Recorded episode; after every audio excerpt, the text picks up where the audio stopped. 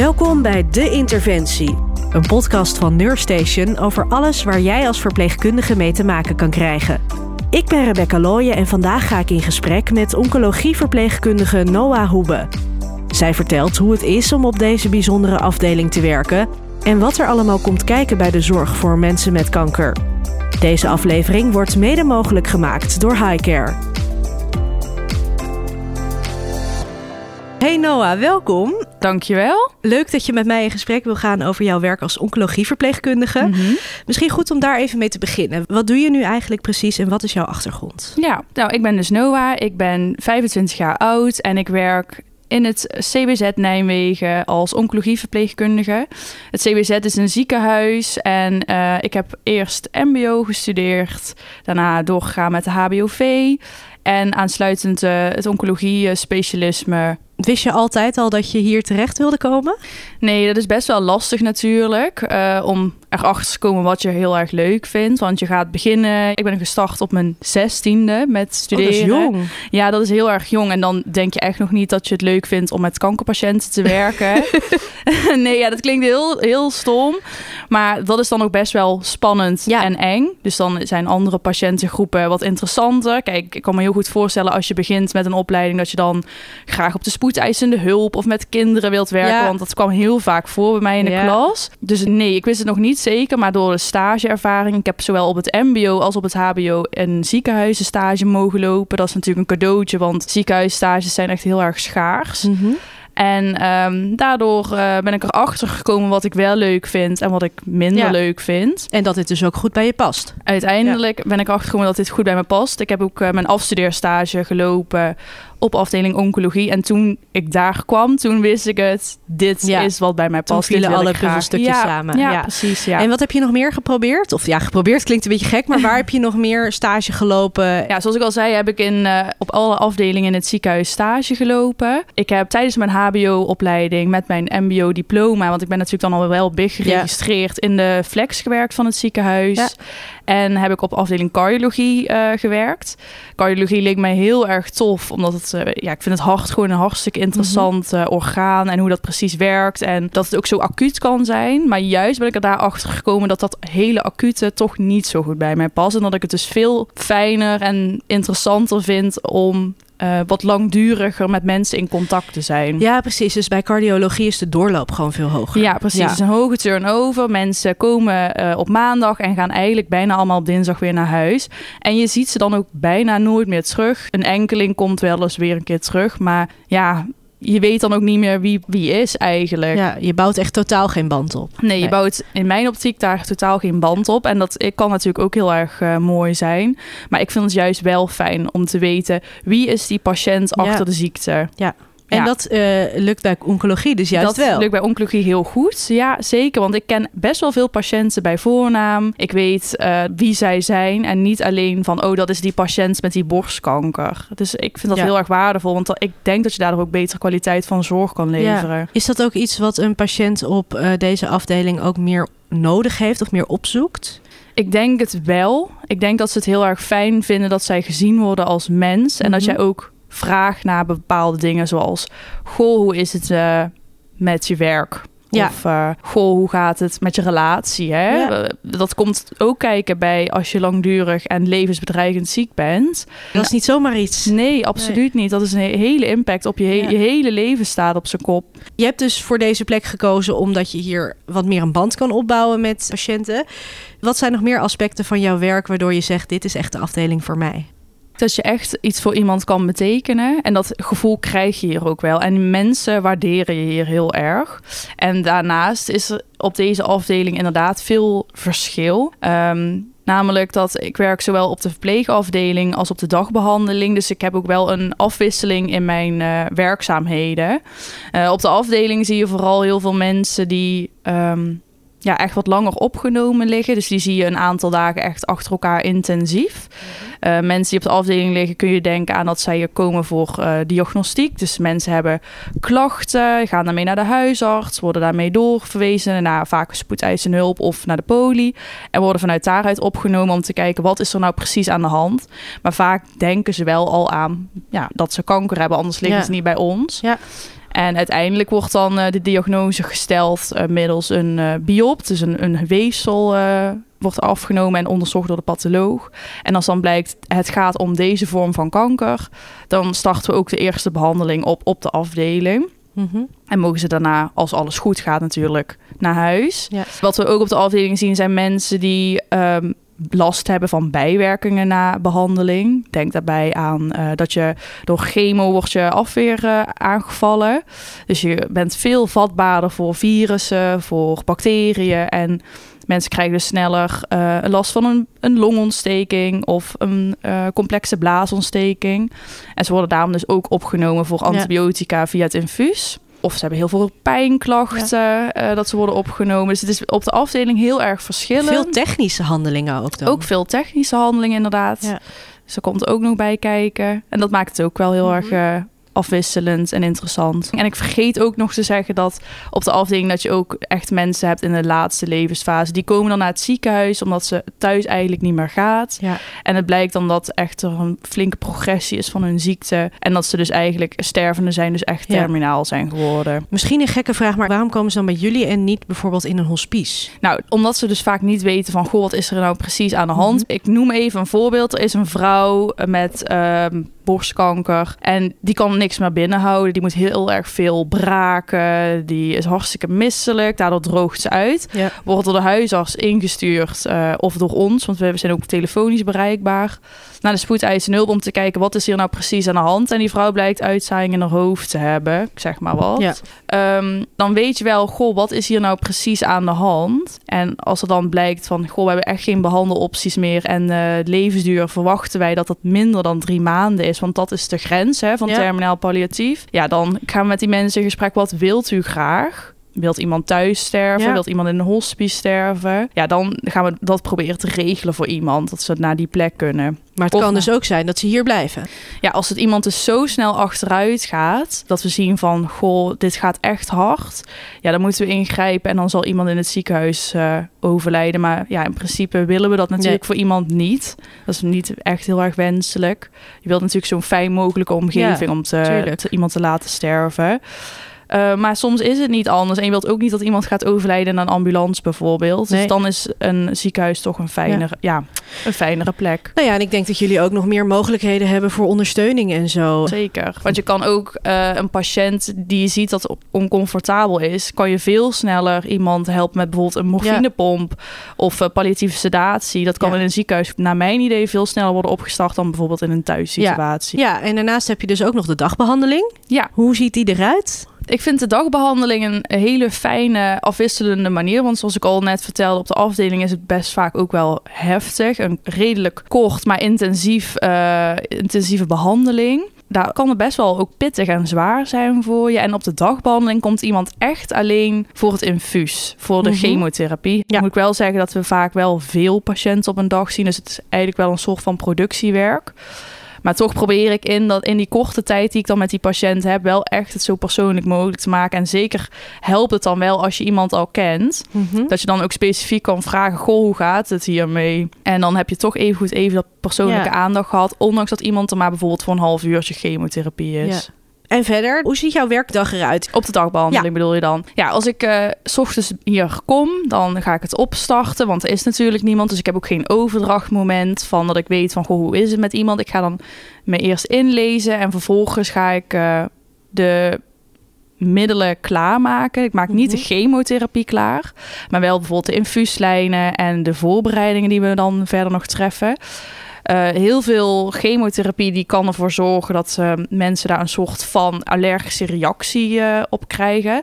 Een ehm, populair middel daarvan, een bekend middel, is de paclitaxel. Dat mm -hmm. wordt gegeven bij borstkanker en mensen kunnen dat kennen omdat dat wordt gemaakt van de taxusplant. Oké. Okay. Dus daar kunnen mensen best wel allergisch op reageren. Dus we zullen daar van tevoren altijd medicijnen voor geven. We geven dan vaak dexamethason en tafgiel om mm -hmm. die allergische reactie te voorkomen. Ja. Ja. Dat moeten we dus wel zelf klaarmaken. En dan? Ja, dan is het wachten tot de eerste patiënt komt.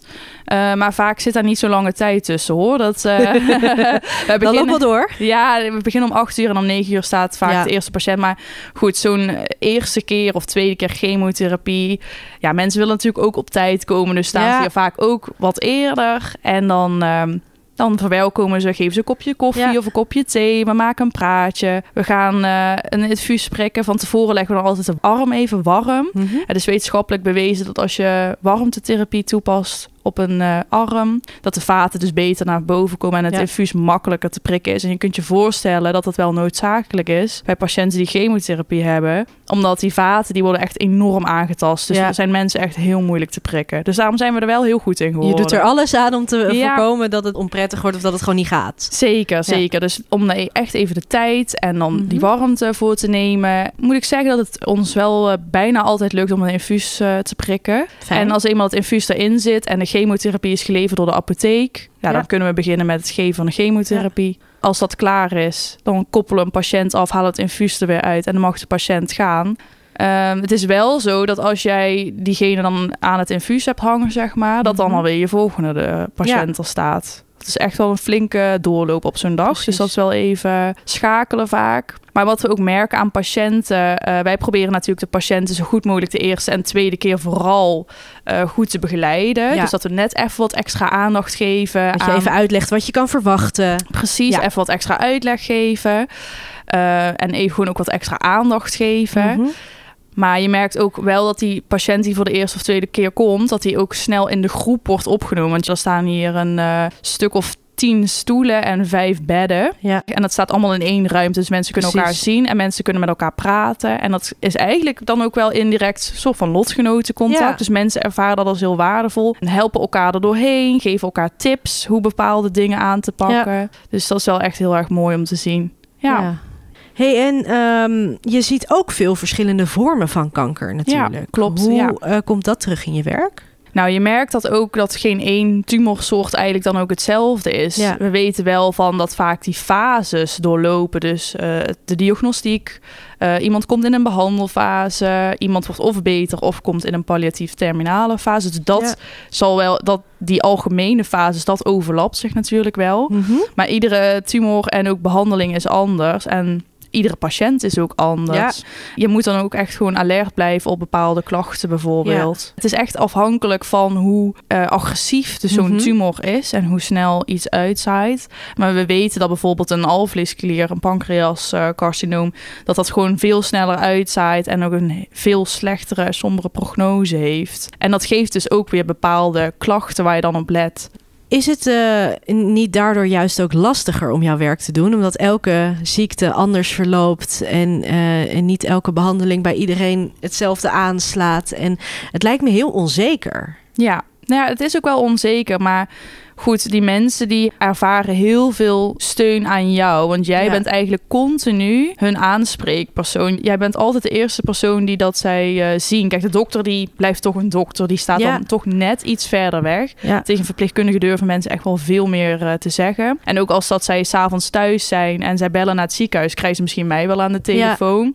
Ja, dat is voor die mensen natuurlijk wel een heel fijn Ja, je wordt Gevoel. eigenlijk jij wordt betrouwbaar. Jij, een bekend gezicht. Ja, zeker. En ik weet natuurlijk ook niet alles, maar ik heb wel een heel team. En ik kan heel goed vertrouwen op mijn onderbuikgevoel. Ja. Als ik iets zo'n gevoel heb van nee, ik weet niet wat hier precies aan de hand is, maar ik vertrouw de situatie niet, weet ik wel bij wie ik aan de bel kan trekken. En dat Ja. maakt dan wel weer. Ja, zeker wil ik het niet helemaal noemen, want niks is zeker Tuurlijk, in je zo'n weet het nooit. traject. Maar, je hebt gaandeweg wel geleerd, oké, dit zijn alarmsignalen en hier Ja. hoef ik me niet meteen zorgen bij te maken. En- Nee, en dat is natuurlijk dan ook mijn taak, hè, om zo'n Ja. patiënt dan gerust te stellen van, goh, dit hoort erbij. Ik had van een week had ik een patiënt die was helemaal over zijn toeren. Die had eh, de eerste twee keer chemotherapie gehad, maar die was dus helemaal over zijn toeren omdat zijn haar begon uit te vallen. Maar we weten allemaal, dat is een Ja. bijwerking van chemotherapie. Ja. Het hoort erbij. Het is niet leuk, maar het hoort erbij. ja. En dan is het mijn taak om zo iemand dan weer gerust te stellen en te zeggen: dit hoort erbij. Het haar komt wel weer terug. Als dat je klaar bent over zoveel maanden.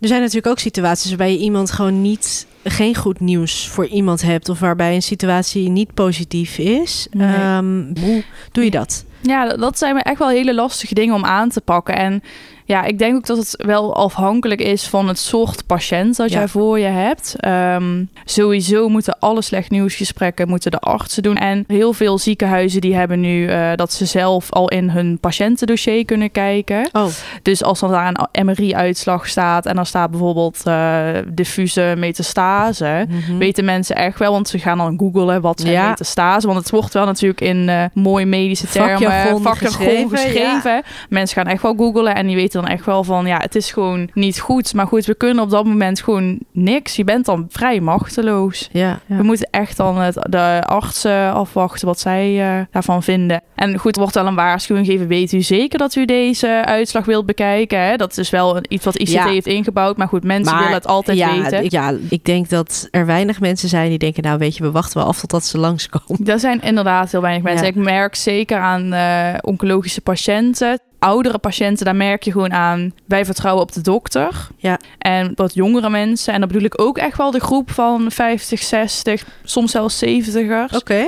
Die zijn echt wel gewend om eh, zelf ook eh, mee te denken. En dat is iets wat wij als zorgverleners alleen maar wat promoten. Dat mensen Ja. ook zelf meedenken. Want dan heb je ook wat meer draagvlak voor de therapie. Is het niet juist lastig dat ehm, er vaker gegoogeld wordt? Dat er vaker het idee is, oh, wij weten nog wel iets. Of ik heb iets gelezen over dit. Is dat niet ook juist lastig voor jou? Ja, dat is wel lastig, omdat ik natuurlijk ook niet alle therapieën weet of dat Nee, wel of niet. Je leest niet elk artikel? Nee, dat is iets wat meer aan de dokter is natuurlijk. Ja. Eh, en niet iedere patiënt komt dan in aanmerking voor zo'n bepaalde studie. Dus dat is inderdaad wel gevaarlijk. En ook wat vaak op Google staat, klopt niet Nee. altijd helemaal.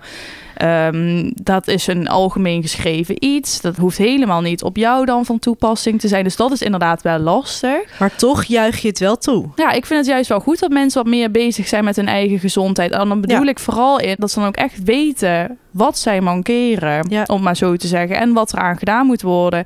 Want we hebben heel veel kuren waar ook eh, medicijnen, pillen moet, voor Mhm. moeten worden ingenomen. Kijk, als mensen dan toch zoiets hebben, ja, ik heb geen idee. Mhm. Vergeten ze ook die pillen in te Ja, nee, nemen. dat is waar. Met alle gevolgen Ja, van je die. bent er bewuster mee bezig. Wat je vooral merkt is dat die mensen dan eh, opbellen van... eh, goh, ik heb met de voorlichting eh, gehoord dat ik moet bellen bij koorts. Ik heb nu 39 graden koorts, dus ik, daarom bel ik. Dan denk ik, ja, goed dat je zo actief bezig ja. bent. En niet dat je dan denkt, oh ja, ik bel morgen wel. Of, Of het eh, zal er wel bij. Ja, ja. het zal er ook wel bij horen. dat is ja. hartstikke gevaarlijk. Ja. Daarom vind ik het juist goed dat mensen ook wat meer anticiperen... en eh, wat meer bewust zijn en zelf verantwoordelijkheid nemen voor hun eigen gezondheidsgedrag. Ja, als je dus maar wel weet dat alles wat je op Google vindt niet zomaar waar is. Nee. En ook niet zomaar voor jou werkt. Van toepassing is. Ja. Nee, zeker. En ehm, het is natuurlijk ook een hele heftige afdeling, de oncologie. Ja, zeker. Ja. Hoe ga jij daarmee om? Hoe vind jij een balans in dus wel die band opbouwen met patiënten, maar ook toch wel genoeg afstand bewaren? Ja, dat is, gaat de ene keer natuurlijk ook wat makkelijker dan, eh, dan de Ja. andere keer. En dat is ook, daar moet je ook dat je weg in vinden en daarvan leren. Wat heel erg belangrijk is, is dat je je eigen grenzen daarin kent. Hè. Voor de een is dat toch weer anders dan Ja. voor de andere. Ik ben zelf altijd eh, best wel open, dus ik vind het ook... Kijk, ik vraag best wel wat van mijn patiënten om te delen. Hè. Ik vraag bijvoorbeeld aan hun eh, om iets te delen over hun seksualiteit. Ja, Kijk, ik ga dan niet mijn seksualiteit delen, maar ik wil wel dat mensen ook weten met wie zij te maken hebben. ja, dus toch misschien iets sneller een persoonlijk detail delen. Ja, dus ik vertel dan ook iets over mij, dat ik eh, met wie ik woon, Ja. met mijn achtergrond, of ik vertel iets over eh, mijn ouders, weet ik veel. Ja, dat ze je wat beter leren kennen. Ja, ik vraag veel van hun om te delen, dus ik vind het dan ook belangrijk dat ik zelf ook wat deel, Mhm. zodat we toch een soort van gelijkwaardige eh, eh, ja, band hebben. Ja. Dat het niet van één kant komt. En dat En- dus mensen zich ook veiliger voelen, Voelen om, om- sneller te vertellen. En dat ze ook weten, goh, de- deze persoon die ik tegenover me heb, is zorgverlener, maar ook een mens. Ja. Dus dat vind ik altijd heel erg belangrijk. En ehm, ja, met de ene patiënt heb je gewoon meer dan met de andere patiënt. Soms komt een patiënt best wel dichtbij. Eh, wat ik vooral altijd vind is iemand die dan net een beetje mijn leeftijd heeft. Ja. Dat komt heel erg dichtbij. Dat is denk ik ook gewoon heel natuurlijk. Ja, Ehm, zeker. ik denk En- dat iedereen het moeilijk vindt als je iemand meemaakt die echt op jou lijkt in je leeftijd of misschien wel in Mhm. eh, studie of levensfase. ja. Eh, maar misschien ook juist iemand als, oh, dat zou ook mijn moeder kunnen zijn. Ja, Ja, ja. je moet het vooral proberen om dat wat dat betreft op afstand te Ja. houden. Van het is niet jouw moeder, het is iemand anders zijn moeder. Eh, en ik vind het dan fijn dat ik daarin kan helpen. Dus Mhm. zo probeer ik het een beetje te relativeren, Ja. als je snapt wat ik bedoel. Zeker. Maar goed, ja, er zijn altijd mensen die toch wat meer indruk op je maken. En ik denk dat het ook goed is. Als niks me meer zou raken, of ons als team meer zou raken, dan zou dat ook niet goed zijn. Nee, We blijven nee, uiteindelijk ook allemaal maar Ja. mensen. Maar het is natuurlijk wel heel belangrijk van hoe ga je met die bepaalde emoties om. Want we, ja, we maken hier echt heel veel emoties mee op de afdeling. We hebben vreugde als iemand beter, zeg Tuurlijk, maar, schoon is ja. verklaard. Maar ja, het kan ook echt intens verdrietig zijn. Zo hadden we een tijdje geleden een euthanasie op de afdeling. Mhm. Ja, de hele sfeer op de afdeling is dan gewoon eh, grauw. Ja, Ja. je voelt ook echt verdriet. Je voelt ook zelf verdriet. Je mag dan ook gewoon huilen. Maar probeer het dan niet op de kamer bij die patiënt en die Nee. familie te doen. Vind ik zelf tenminste. Sommige collega's zullen dat misschien wel doen. En dat is ook mooi, vind ik. Maar het ligt denk ik ook weer aan de patiënt en de omgeving. ja, Sommige en mensen hoe je band is met die vinden het juist heel eh, bijzonder om te zien dat je zo meeleeft. En andere mensen zullen denken, ja hallo, het is niet jouw moeder. Nee, Dus nee, dat daarom is natuurlijk ook weer aftasten. Kijk, eh, als jij eh, jaren die mensen kent en je laat dan een traan op die kamer of je kent iemand Ja. dan vind ik zelf ook wat anders. Maar goed, dat is voor iedereen Dat persoonlijk. Ik ja. vind het dan altijd wel gewoon fijn om sterk te zijn op, de, op die kamer. En dan buiten, ja, moet ik ook wel eens een keer eh, huilen. Maar goed, eh, we zijn er als team echt voor elkaar en we praten erover. En dat scheelt natuurlijk al een deel eh, in de verwerking voor jezelf. Wat voor mij ook scheelt, is dat ik patiënten in deze omgeving niet persoonlijk ken. Ik kom ook niet van deze omgeving vandaan. Dus dan Oh ja. kan je het ook al wat professioneler Dus laten. het is niet de kans dat jij een... Nou, Ja, een vriend van mijn de ouders of zo van de basisschool bijvoorbeeld. tegenkomt. Ja, Ja, dat is nee. gewoon klein. Nee, die, dat, is, dat is gewoon niet zo. En dat is voor mij heel erg fijn. En het scheelt ook dat mijn vriend ook in de zorg werkt. Oh ja, Dus dat je thuis, als het echt wel een pittige casus is geweest... dat je het thuis er ook even over kan hebben. ja. En dat hij ook Het begrijpt. mij begrijpt. Ja. Ja, zeker. Ja. Ja, dat is alleen maar heel erg mooi, denk ik. Ja, en ehm, zo'n sfeer op zo'n afdeling, je voelt dan dat die best zwaar is. Merken andere patiënten daar ook wat van? Ja, we proberen het natuurlijk altijd buiten de deuren Ja. te houden. Maar goed, we hebben laatst een keer een echt een acute noodsituatie op de gang gehad. Dan ja, merken patiënten dat. dat. Niet anders. Maar ja. ze hebben daar wel heel veel begrip voor als in. Ze raken daar niet van overstuur, maar ze vragen dan eerder aan ons. Gaat het wel met Ja. jullie? En dan denk ik, Oh, dat is wel lief ja, ook. ja, Ja. heel mooi. Ja, Ja. dat ontroert me dan ook wel weer. Hoe zit het eigenlijk met de privacy? Want ik kan me voorstellen, je vertelde al, eh, zeker de dagbehandeling, daar zit je met een grote groep. Er is ook een soort van wat lotgenotencontact. Je kan elkaar ondersteunen, maar het kan ook gebeuren dat iemand er ineens niet meer is. Mag je dat soort informatie dan delen met andere patiënten? Want ik kan me voorstellen dat daar ook vragen kunnen ontstaan. Ja, ja, lastige situatie. Als iemand er inderdaad niet meer is en iemand vraagt ernaar. Ja, het is ook wel zo'n ethische kwestie. Hè? Mag je het Ja. dan eh, vertellen of niet? Ja, ik denk dat je het eh, aan de ene kant in verband met de privacy niet mag vertellen. Maar als jij weet dat hun heel hecht zijn geweest, of ze hebben het dan al van de familie Ja. zelf gehoord. Dat is vaak wel zo dat mensen al van de familie zelf hebben gehoord. Dat ze dan toch elkaar kennen van Facebook of zo. Oh, echt? Ja? Gaat dat zo? eh, Ja, mensen voelen elkaar toe op Facebook. Ik vind dat echt alleen maar hartstikke goed dat mensen zoveel steun aan elkaar Ja. eh, hebben. Ja, want, want- je ziet vaak bij mensen, bij oncologische patiënten, dat ehm, ze van mensen waar ze van hadden verwacht die er voor hun zouden zijn, dat die er niet zijn. En andersom.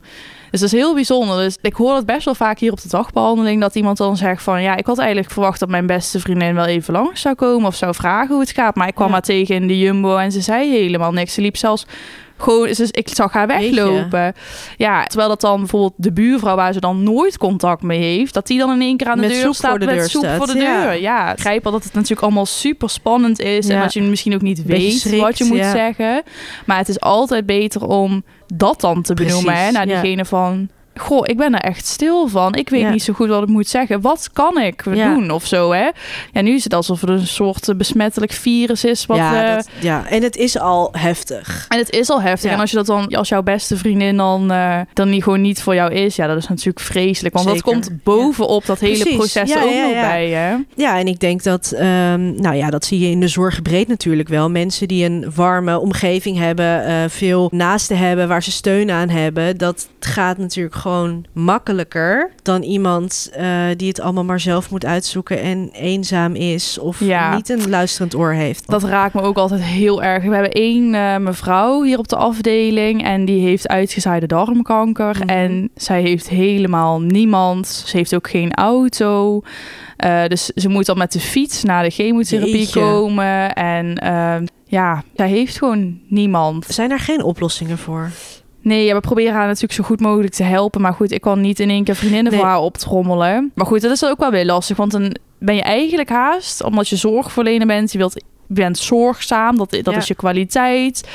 Je wilt iemand helpen. Dan Maar ja, dat je kan zo... ook je valkuil het, is zijn. heel- het kan ook een valkuil zijn. Ja. Want eigenlijk zou ik liefst denken van... Goh, ik haal die mevrouw zelf wel even op. Ja, Maar ja, dat moet je natuurlijk ook niet nee, doen. voor je het weet moet je er, moet je er twintig op halen. Ja, dat gaat, nee, waar dat- is de grens gaat- dan? Ja, En- precies. Maar ja, als mens zijnde wil je dat natuurlijk wel doen, want het is gewoon heel verdrietig om te zien en niemand... Die verdient dit, toch? Nee, nee, zeker niet. En zeker niet als je ook al in zo'n heftige situatie zit. Het is natuurlijk een opstapeling. Ja, Ja, en het lijkt me wel lastig om als iemand dan ook nog eens bij jou vertelt hoe moeilijk ze het daarmee hebben, om daarop te reageren. ja. Om dan niet te zeggen, oh, dan kom ik morgen, weet je, ik breng je straks wel even naar huis. Ja, is ook lastig. Maar Ja. soms hoef je ook even geen oplossing te hebben of even niet iets te zeggen. En dat zit wel in ons als zorgverleners in dat we heel graag willen helpen. Ik denk eh, dat we eigenlijk dat soms vaak te graag willen. We hadden laatst ook een mevrouw met uitgezaaide ehm, alvleesklierkanker, de slechte prognose. Ja.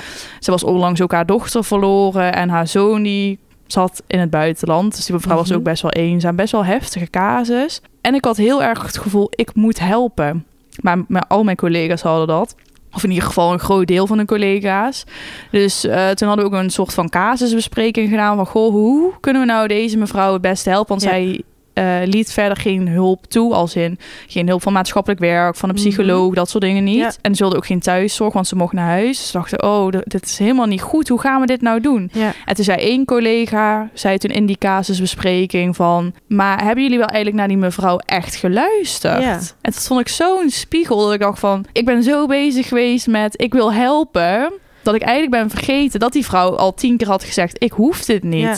En ze heeft ook het recht om te zeggen, Absoluut, ja. laat me maar met rust. Ja, en daarom is het zo fijn dat je dan zo'n team hebt... en eh, dat je ook zo dan zo'n keer zo'n casusbespreking Ja. doet... om tot nieuwe inzichten te komen. Ja, want een eh, goed contact met je collega's is dus belangrijk. Dat is natuurlijk altijd zo, maar hier misschien nog wel meer. eh, omdat het ook een beetje je, ja, jullie vangnet weer is. Hè? Je bent een beetje elkaars vangnet. Ja, zeker. Ehm, gaat het dan puur om elkaar vertrouwen en even je verhaal bij iemand kwijt kunnen? Of zijn er nog andere dingen die jij van je collega's eh, nodig hebt? sowieso denk ik, ongeacht waar je werkt, dat je je collega's voor de volle 100% moet vertrouwen. Ja. Dat, ik denk dat het echt heel belangrijk is. En ik denk ook dat de sfeer op een afdeling ook heel erg belangrijk is. We hebben gewoon een hele fijne, gemoedelijke sfeer. Eh, soms is het ook belangrijk juist om in discussie te gaan met elkaar, om tot nieuwe inzichten Ja. te komen. Want uiteindelijk willen wij echt wel allemaal het, het beste voor de patiënt. Dus dat is ook wel heel erg leuk. En Ja. ik zeg ook altijd van op werk hoef je geen vriendinnen te zijn, maar je moet wel goede collega's zijn. Dus je moet wel elkaar ook aandurven spreken op bepaalde dingen. Maar ik denk dat dat in ons team wel heel erg kan. En het is ook heel erg belangrijk om ja, met elkaar te kunnen sparren, dat daar ruimte voor is. Ja. Van, goh, kun jij even met mij meekijken? Ik weet het niet zo goed. En wat ook nog heel belangrijk in je team is, want het is natuurlijk best wel een heftige afdeling. Er is inderdaad ruimte voor heel veel verdriet. Maar dat we ook af en toe even lekker met elkaar kunnen lachen. Ja, En dat vinden de patiënten ook fijn. Dat je Tuurlijk, niet alleen maar ja. over die zware kost praat. En niet alleen maar over het ziek zijn. Maar dat we ook af en toe een lekker grapje maken. Om er toch, ondanks dat het zo kloot is, om het maar zo te zeggen, er toch het beste van te maken met elkaar en met de patiënt. Hey, en eh, over collega's gesproken, wat moet je eigenlijk in huis hebben om überhaupt op deze afdeling te kunnen werken, als je dat zou willen? Nou, technisch gezien even moet je MBO of HBO eh, verpleegkunde hebben Ja. gestudeerd. Eh, het is niet per se noodzakelijk om al eh, een oncologie-specialisatie gevolgd te hebben. Dat kun je altijd op de afdeling ook nog Ja. doen. Maar wel inderdaad affiniteit met oncologie. Dat je het leuk vindt om verder te kijken dan alleen de ziekte. Dat je wat langduriger en intensief contact hebt met je patiënt. Eh, dat je ook niet bang bent om met de patiënt dan het gesprek aan te gaan. Dus ja, als je bang bent voor bepaalde emotionele gesprekken, is het ook ook niet, uh, niet een hele, hele juiste plek. Als jij van heel veel actie houdt, is het ook niet de juiste plek. Want er gebeurt natuurlijk wel heel veel. En je moet ook heel veel, er komt heel veel bij kijken. Maar het is niet vergelijkbaar met de spoedeisende Nee. nee. En, uh, ja, en je moet het leuk vinden om met een gevarieerde doelgroep uh, te mhm. werken. Hè. Dus we hebben echt mensen van 18, maar we hebben ook mensen van 85. Ja, nou, dan als afsluiter, zoals altijd, wat zou jij vanuit jouw expertise willen meegeven aan andere zorgverleners? Ik zou willen meegeven aan uh, mijn collega's in welk werkveld dan ook, als jij een oncologische patiënt tegenkomt, vraag naar zijn gevoelens. Wees niet bang om dat emotionele gesprek aan te gaan. Je hoeft niet altijd een oplossing te hebben. Het is gewoon ook oké om soms gevoelens de vrije loop te laten gaan. Dus wees daar vooral niet bang voor. Je kan niks fout doen. Het is juist heel erg goed en waardevol om daar even bij stil te staan. Dat vind ik denk ik het belangrijkste om mee te geven. Je luisterde naar De Interventie, een podcast van Nurstation. Deze aflevering werd mede mogelijk gemaakt door Highcare.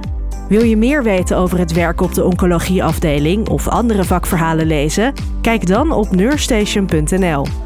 Volgende maand zijn we er weer. Dan duiken we opnieuw in een van de vele thema's die jij in je werk kan tegenkomen. Vond je deze aflevering nou interessant? Laat dan vooral een review achter en deel hem met je collega's.